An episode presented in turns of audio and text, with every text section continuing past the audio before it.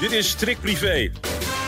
De dagelijkse showbiz-update met Evert Zandgoeds en Jordi Versteegde. Aflevering 212 is het vandaag op donderdag 1 juni. Ja, dat vind ik altijd mooi, zulke cijfers, Evert. Jeetje, ja.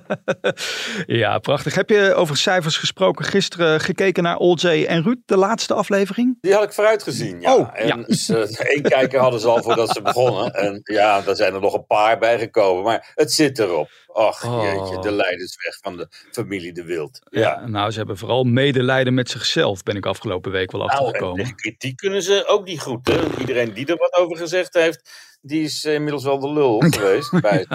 Maar ja, ze slaan hard om zich heen. En Ja. eh, zonder dat ook maar even bij, bij zichzelf te zoeken, volgens mij. Van, ja, nou ja, laten we er maar geen woorden meer aan vuil maken. Het is, eh, het is gedaan. Wij gaan eh, door met iets totaal anders, want de maand die begint niet zo lekker voor Peter Gillis. Iemand dreigt aangifte tegen hem te doen en niet zomaar iemand.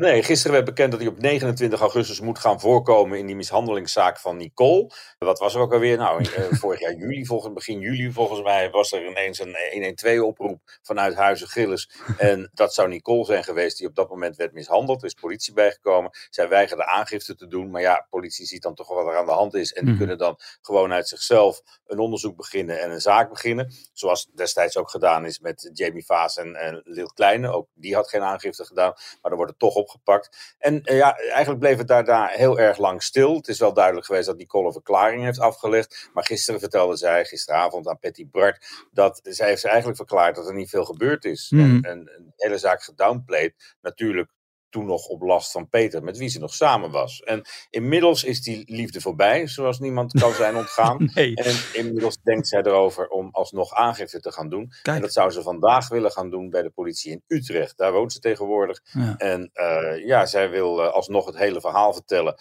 En ervoor zorgen dat eh, Peter alsnog op 29 augustus een zwaardere dobber aan die zaak zal krijgen.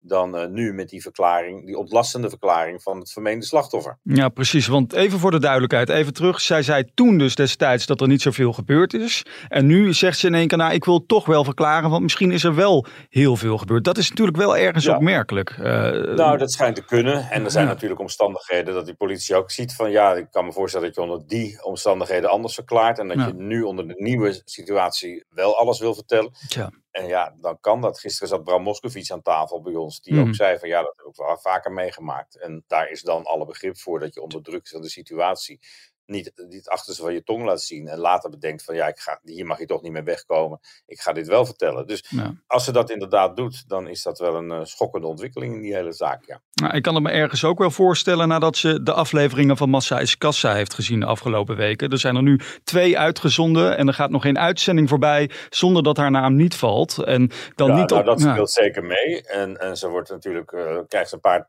ja, trappen na, is on- ongelukkig uitgedrukt. maar zij heeft natuurlijk wel Ja. een, een, het nodige voor de kiezer gehad. En Ja. tot nu toe leek er nooit zoveel aan de hand in die mishandelingszaak. Juist omdat zij zei dat er niets gebeurd was. Ja. Maar als dat gaat kantelen nu, dan wordt het wel een andere situatie. Ook voor Peter en ook voor, voor, zijn, voor zijn programma. Ja, want tot slot hierover verwacht jij dat Talpa nu al stappen gaat ondernemen? Dat het programma misschien nu even tijdelijk van de buis gaat? Of, of... Nee, tot nu toe hebben ze steeds gezegd: we gaan bij een veroordeling pas ons beraden op maatregelen. Oké. En we cancelen niemand die niet veroordeeld is, want dat gebeurt al veel te veel. Mhm. En dat is het standpunt waar ze op staan. En ja, tot 29 augustus verwacht ik helemaal niks. Ja. Maar of ze nu al een nieuwe serie bestellen voor volgend jaar, terwijl deze zaak nog loopt, ja, dat zou je moeten afwachten. Dat weet ik niet. De bruggetjes zijn eh, makkelijk te maken deze uitzending van onze podcast. Want we gaan zomaar door naar de volgende rechtszaak die eh, boven het hoofd van Monique en André Hazes hangt. Wat is daar aan de hand? Nou ja, die hebben, vorig jaar hebben wij die vakantiefoto's gemaakt in, Ja. in Amerika. En dat was niet in een vakantieperiode. Dus dat jongetje, zoontje, is, is van school gehaald. Volgens hen met toestemming van de school. En daar denkt die school toch lijkelijk anders over. Dus die hebben een klacht ingediend bij de inspectie. En eh, dat is opgepikt. Dan heb je eerst al een waarschuwing gehad. Daarna wordt het serieuzer. En Hmm. krijg je echt eh, te maken met de rechter. Met hoge boetes. En ik hoorde gisteren op de radio iemand zeggen: ja, dan meld je je kind toch ziek. Ja, in het geval van de hazes, die alles ook poep en scheet op. Insta zet, is dat ook een. En, en bovendien een fotograaf van privé in de struiken hadden liggen. Ja. Is dat ook een beetje lastig. Dus we wisten wel degelijk dat ze in Florida zaten. En dat kleine Dree niks mankeerde. Dus ja, die zaak gaat ook voorkomen. De sterren, het gaat lekker met de sterren. Ik wou, ja, ik wou zeggen. Maar, maar denken zij dan boven de wet te staan of zo? Dat ze gedacht hebben, joh, we hebben toch geld zat, we kunnen die boete wel betalen. Wij gaan gewoon lekker op vakantie, want we zijn bij Ernst. ik denk dat zij inderdaad gedacht hebben dat het met een boete zal aflopen. En eh, ja, als het echt een vooroordeel wordt, dan eh, heb je dus gewoon een, een, een, een strafblad. Ja. Hmm, dat zou niet zo handig uitkomen voor iemand die vaak naar Amerika wil. En eh, Zeker niet, nee. visum moet aanvragen. Nou goed. Gisteren hadden wij het al over Dries Roelvink. Daar is trouwens helemaal niets mee aan de hand. Hè. Die staat niet voor, voor de rechtbank of zo. Nee. Ja, wij wilden eigenlijk dat hij naar de beste zangers zou gaan. Hè. Dat stelden wij voor. Wij gunnen hem dat. Ja, toeval wil. We hebben hem gisteren dus nog gesproken. En hij wil Over die ballen. over zijn bal. ja, het was woensdag gehaktdag, hè? dus het ging al snel over de Ja. ballen van Dries. De gehaktballen wel te verstaan. Eh, maar we hebben hem ook nog even gevraagd naar de beste zangers. Dat lijkt me nou eh, fantastisch om aan mee te doen.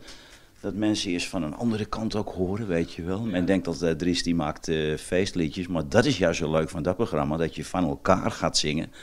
En dan kan je heel verrassend eh, uit de hoek komen. Dus als er iemand kijkt van eh, beste zangers, ik hou me aanbevolen voor volgend jaar. En dan neem ik ballen gehakt mee. Nou goed, de Afrotros kan nou toch niet meer terug, Evert. Hij moet toch gewoon volgend jaar daarin te zien zijn. Ja, maar dat is corruptie hè, als je aanbiedt met ballen naar, eh, naar Spanje af te reizen. Dat is, eh, Dries heeft er nogal wat voor over eh, inmiddels. Nou, wij eh, starten gewoon een campagne. Wij willen gewoon nogmaals dat Dries daar volgend jaar in te zien is met of zonder zijn ballen. We gaan even naar iets serieuzers. Eh, Nieuws wat gisteren een beetje binnenkwam na onze podcast. Harry en Meghan, daar gaat het niet zo goed mee lijkt het hè? Nee, er zijn signalen dat het inderdaad niet zo goed gaat in dat huwelijk. Nee. En dat Harry af en toe achter zijn oren krabt. Wat heb ik gedaan? Waar ben ik aan begonnen? En in wat voor situatie ben ik terechtgekomen? en eh, ja, dat is niet zo heel verwonderlijk als je weet dat hij nu gebroken heeft met zijn hele familie. Als je zag hoe hij eronder leed bij, die, bij de kroning van zijn vader. Eerder al bij de begrafenis van zijn schootmoeder. Mhm. En dan thuis komt en geen vrienden meer hebt. Want je hebt met iedereen gebroken. Je hebt met iedereen ruzie. Je bent van iedereen eh, vervreemd Ja. dat je dan eens gaat denken van, is dit nou het leven wat ik wil? En ja, ik kan me voorstellen, want ik, ik lees sommige verhalen, dat ik denk van ja, het, het lijkt wel heel serieus, omdat er al contact zou zijn met een echtscheidingsadvocaat. Mhm. Hij heeft overleg gehad, spoedoverleg met James Gordon, die net in Engeland was gearriveerd, nou alweer terug is in Amerika. En als goede vriend van eh, Harry een avond met hem gegeten heeft daar in eh, Californië. Oh. Ik zou me kunnen voorstellen dat je hem inschakelt voor wat PR-advies, als je dit nieuws te vertellen hebt binnenkort. Tja. Dus ja, het is, eh, het is spannend. En het zou zomaar kunnen dat dit sprookje toch maar vijf jaar duurde Tja. Dan voorbij is. En denk je, je noemde de naam van Charles al ergens, van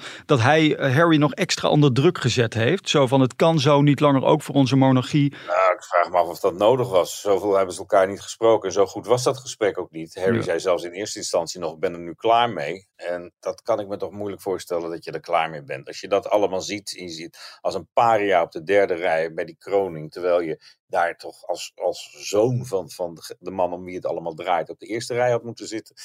Dan kan ik me voorstellen, en, en iemand die heel erg gehecht is aan status hè, en Mhm. titels, en vergis je niet, dat, dat die denkt van, hé, hey, dit is toch niet de goede weg die ik ingeslagen ben. Ja. En dan geldt meestal beter ten halve gekeerd dan ten volle verdwaald. Tja. En eh, ik, ik neem aan dat er dan nog wel een achterdeurtje van het paleis voor hem open staat.